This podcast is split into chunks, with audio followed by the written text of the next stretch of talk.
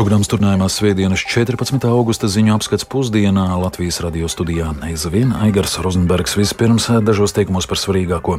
Stiprinot spēkus dienvidos, Krievijas armija turpina uzbrukuma operācijas arī Ukrainas austrumos. Polijas un Vācijas amatpersonas aizvien neizpratnē par masveida zivju bojājas iemeslu Oderas upē. Aglonā norisinās vissvētākās jaunās Marijas debesīs uzņemšanas svētki. Plašāk par visu nākamajās minūtēs.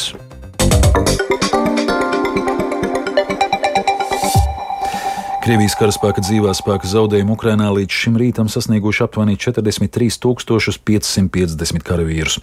Tā vēsta Ukrainas armijas ģenerālštābs. Vislielākos zaudējumus pēdējās diennakts laikā Krievi cietuši Donetskas virzienos.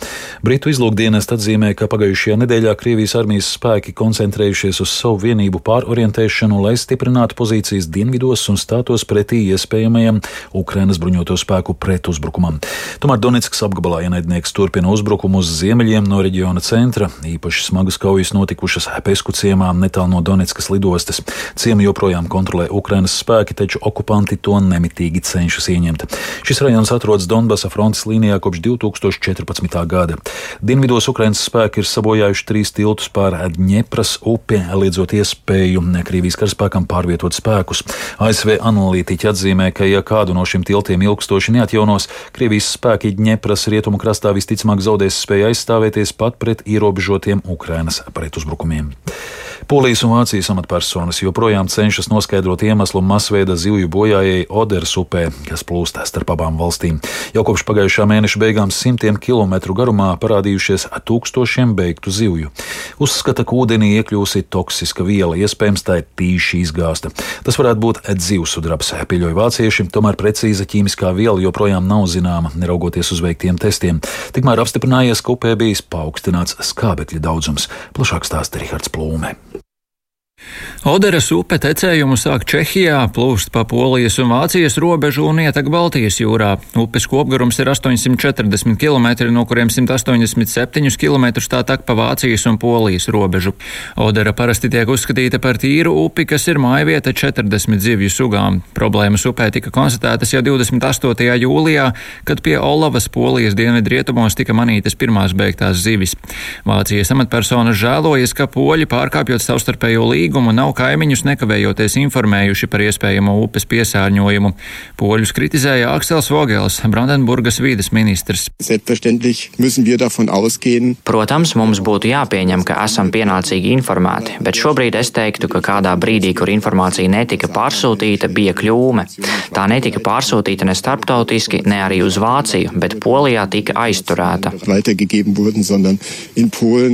Lai gan tonām beigtu zivju bija novērojamas jau vairākas nedēļas, skandāls sācies vien tagad, kad secināts, ka problēma nav lokāla, bet ir plaša mēroga, ko atzina arī polijas premjers Mateusz Moraveckis. Ten dramat ekologiczny, który się dzieje, jest Šī ekoloģiskā drāma, kas notiek, ir ļoti nopietna. Tas ir milzīgs uzdevums visiem dienestiem, kas saistīti ar šo vidas katastrofu. Tāpēc visi uzdevumi ir sadalīti un visi dienesti šobrīd strādā pie tiem. Tomēr es vēlos uzsvērt, ka daži dienesti bija aizkavējušies, pārāk lēni reaģēja, un tāpēc es esmu līdzis katru dienu ziņot, un no šīm nolaidībām un kūtrībām es vakar izdarīju secinājumus. Cienījamie tautieši, man apņemšanās ir ne tikai attīstīt, atrast un sodīt vainīgos, bet arī pēc iespējas ātrāk samazināt šos zaudējumus un atjaunot Oderas upes sākotnējo stāvokli. Un es ticu, ka tas būs iespējams īsā laikā w krótkim czasie uda się to osiągnąć. No upes izcelts vairāk nekā 12 tonnas beigtu zivju. Ņemot vērā Vācijas valdības brīdinājumu par vidas katastrofu, cilvēki aicināti upē netuvoties. Cietušas ne tikai zivis, bet arī bebri, putni un pīles. Darbos pie upes Polija piesaistījusi arī karavīrus. Polijas premjers atzina, ka var paiet gadi līdz upe atgūsies. Vēl piekdien Polijas premjers atlaida pāris vidas amatpersonu par viņu rīcību incidentā. Savukārt aktīvisti Polijas un Vācijas varas iestādes apsūdz nespējās sadarboties, lai ātri reaģētu uz katastrofu un aizsargātu cilvēkus. Polijas iekšlietu un administrācijas ministra vietnieks Macējs Vasiks pastāstīja, ka noteikta viena miljona polijas zlotu jeb 215 tūkstošus eiro liela atlīdzība par informāciju, kas palīdzētu atrast Oderas upē notikušo notikušās vides katastrofas vaininiekus. Tikmēr Vācijas vides ministre Štefija Lemke aicināja veikt vispusīgu incidenta izmeklēšanu. Joprojām nav skaidrs, kas un ar ko piesārņojas upi. Vācijas austrumu Brandenburgas federālās zemes amatpersona sacīja, ka testa rezultāti liecina par paaugstinātu skābekļa līmeni ūdenī, kas liecina par svešas vielas klātbūtni. Tiek pieļauts, ka upe piesārņota ar dzīvesudrabu, tomēr tas vēl nav apstiprināts. Vienlaikus tiek atzīmēts, ka vēsturiski zemais ūdens līmenis Odarā apvienojumā ar karstuma vilni nozīmējis to, ka zivīm jau pirms vides katastrofas bijuši sarežģīti apstākļi. Rihards Plūme, Latvijas radio.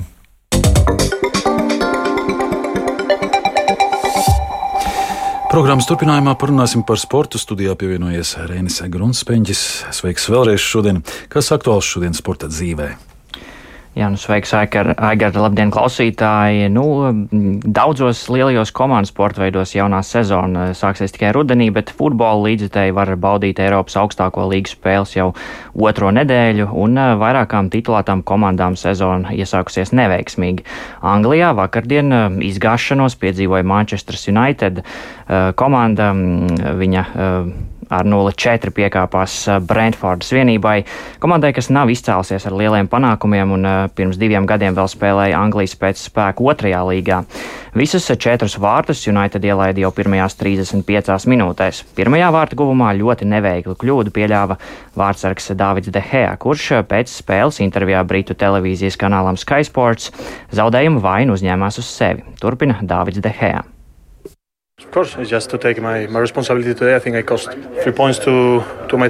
Vēlos uzņemties atbildību. Domāju, ka izmaksāju savai komandai trīs punktus turnīra tabulā. Tas bija slikts sniegums manā izpildījumā. Jau pēc pirmās kļūdas komandai bija ļoti sarežģīti turpināt spēli.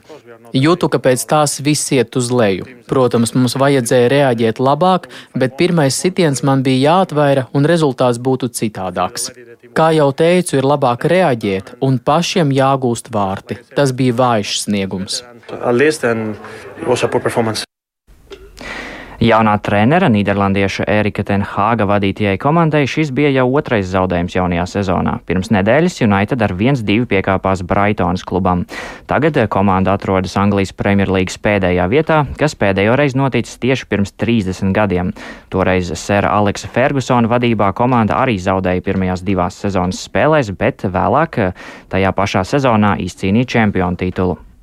Savukārt Latvijas U-18 handbola izlase Eiropas čempionāta B divīzijas pusfinālā Rīgas Olimpiskajā centrā vakar zaudēja vienaudžiem no Šveices ar 22-40. Lai gan spēles sākums bija līdzīgs un puslaika pārtraukumā abas komandas šķīra tikai trīs vārtu starpība, otrajā puslaikā Šveice dominēja, uzvarot tajā ar 25-10. Zaudējuma iemeslus vakar skaidroja izlases galvenais treneris Arnolds Straume, kuru arī klausāmies turpinājumā. Bija pat plus 2 tajā puslaika vidū, un vienkārši mēs 3-4 minūšu laikā izdarījām 6 tehniskās kļūdas. Un nevis pretinieks mums piespiedu to izdarīt, bet mēs paši. Nu, Visas tās spēles salūza. Nu. Bet labi, tas pirmais puslaiks bija ok, viss kārtībā. Bet nu, otrajā nu, mēs zinājām, ka mūsu problēmas uzbrukumā, ja, bet nu, šausmīgi. Mums nav tie līderi, bet nu, tāpatās no dažiem spēlētājiem prasās nu, tomēr uzņemties to iniciatīvu. Nu. Jā, es arī par līderiem gribēju jautāt, jo izkrita tieši turnīra laikā Valdis Kalniņš eh, ar savainojumu.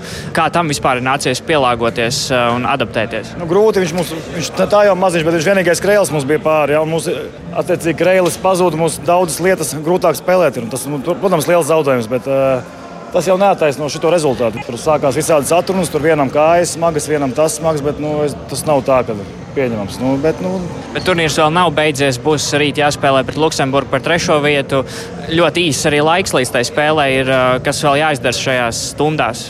Pirmkārt, ir jāatjaunojas. Mums bija tāda vakara spēle, mēs rītā netrenēsimies. Nu, jāsavat kārtībā. Tur, laikam, Logonovam, ja mūsu komandas kapteinim izstāsta, ka savainojums nezinu, cik nopietns. Ja viņš nespēlēs, tad nu, arī būs bēdīgi. Bet pamēģināsim atjaunoties rītā. Nu, pa trešo vietu arī tas tomēr pa medaļām spēlēm. Nu, nekas jau nav, viss kārtībā. Jā, tātad šodien Latvijai spēle par bronzu, kurā pretim stāsies Luksemburgas handbolisti. Spēles sākums Rīgas Olimpiskajā centrā pulksten trijos. Un vēl pievēršoties šodien gaidāmajiem notikumiem, Latvijas kausā futbolā gaidāmas atlikušās divas ceturdaļfināla spēles. Pūksteni četros Tukums stadionā vietējā Tukums 2000 telmas komanda mēģinās pretoties pašreizējai Latvijas čempionai RFS. Savukārt divas stundas vēlāk Jāņa Daliņa stadionā Valmiera uzņems ķekavas audu. Šodien notiks arī pārceltā virslīgas 21. kārtas spēle starp Jūrmālas Spartaku un Liepāju, kas pūksteni četros sāksies Slokas stadionā. Bet eh, pavisam vēlu vakarā, pulksten 11. pēc Latvijas laika, 3 pret 3 basketbolista Kārļa Paula Lasmaņa pārstāvētā komanda Aliens cīnīsies par iekļūšanu Ziemeļamerikas Big 3 līgas finālā. Pusfināla spēlē viņiem pretim stāsies Trilogy vienība. Savukārt pludmales volejbola pāris Anete Namiķe Līva Ēbere Portugālē aizvadīs Beach Pro Tours Futures posmu pusfinālu. Latvietēm pulksten 12. pretim stāsies ķīnietes Dzēdona un Joaņa Lveņa. Par sportu man pagaidām tas arī viss. Paldies, Rēni! Aglonas bazilikā šodien un rīt notiek vissvētākās jaunās Marijas debesīs uzņemšanas svētku galvenie pasākumi, kas ir gadu pulcē tūkstošiem ticīgo no Latvijas un arī citām valstīm. Šodien visas dienas garumā bazilikā norisinās divkalpojumi, bet mm, desmitos vakarā sakrālajā laukumā sāksies tautas krusta ceļš. Aglonā jau pulcējas svētceļotāji. Plašāk par notiekošo Aglonā jau nākamajos ziņu izlaidumos. Vēl par citām vēstījumiem. Skverā aiz Latvijas Mākslas muzeja šodien no 11. līdz 16. notiek vecāku organizācijas mammām un tētiem LV rīkotais piektais vecāka gada gājuma cilvēkiem veltītais festivāls Zelta ritmi. Festivāls ir īpaši pirms pensijas un pensijas vecuma cilvēkiem veltīts izglītojošs un izklēdējošs pasākums. Tajā dienas garumā apmeklētāji aicināti iesaistīties lekcijās, radošās darbnīcās, piedalīties konkursos, veikt veselības pārbaudes un baudīt koncertu, kurā uzstāsies sen senioru kolektīvi no visas Latvijas, kā arī grupa sastāv jūdze. Bauskas pilsturnī šodien no diviem dienām ansamblis Modus Vivendi atskaņos komponista Johana Sebastiana Baha un priekšgājēja mūziku koncertā Bahu dzimta. Bahu dzimtas ciltskokā ir vairāki komponisti, kuri radījuši skaņdarbs arī pirms Johana Sebastiana Baha, kurš apkopoja savu priekšgājēju laika biedru un iedvesmotāju darbus, izveidojot baznīcas mūzikas kolekciju. Bet Rātslaukumā šokar no septiņiem un Līvu laukumā rīt no pulka pulksten 12. ar perkusiju priekšnesumu viesosies Katlāņu kultūras vēstneši grupā Fils de la Flama. Mazajā ģildē norāda, ka grupas pirmsākumi meklējumi 2007. gadā Barcelonas piepilsētā un tās mērķis izplatīt katlāņu kultūru. Grupa ir vairāku konkursu laureāti. Programmā Erasmus Plus grupa Fils de la Flama Latvijā viesosies jau trešo reizi, lai kopā ar jauniešiem no biedrības dēms ar dažādu aktivitāšu, sesiju un nodarbību starpniecību diskutētu par tēmām, kas saistītas ar vienlīdzību, iekļaušanu un jauniešu līdzdalību. Savu tūri Latvijā grupa uzsāka 10. augustā ar viesošanos Stāmerienā. Priekšnesums varēs vērot arī Valmierā, Gulbenē, Lizumā, kā arī Rīgā.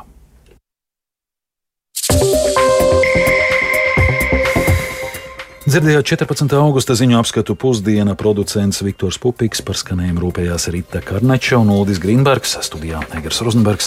Vēlreiz par svarīgāko. Stiprinot spēkus dienvidos, Krievijas armija turpina uzbrukuma operācijas arī Ukrainas austrumos. Polijas un Vācijas amatpersonas aizvien neizpratnē par masveida zivju bojājas iemeslu Oders upē.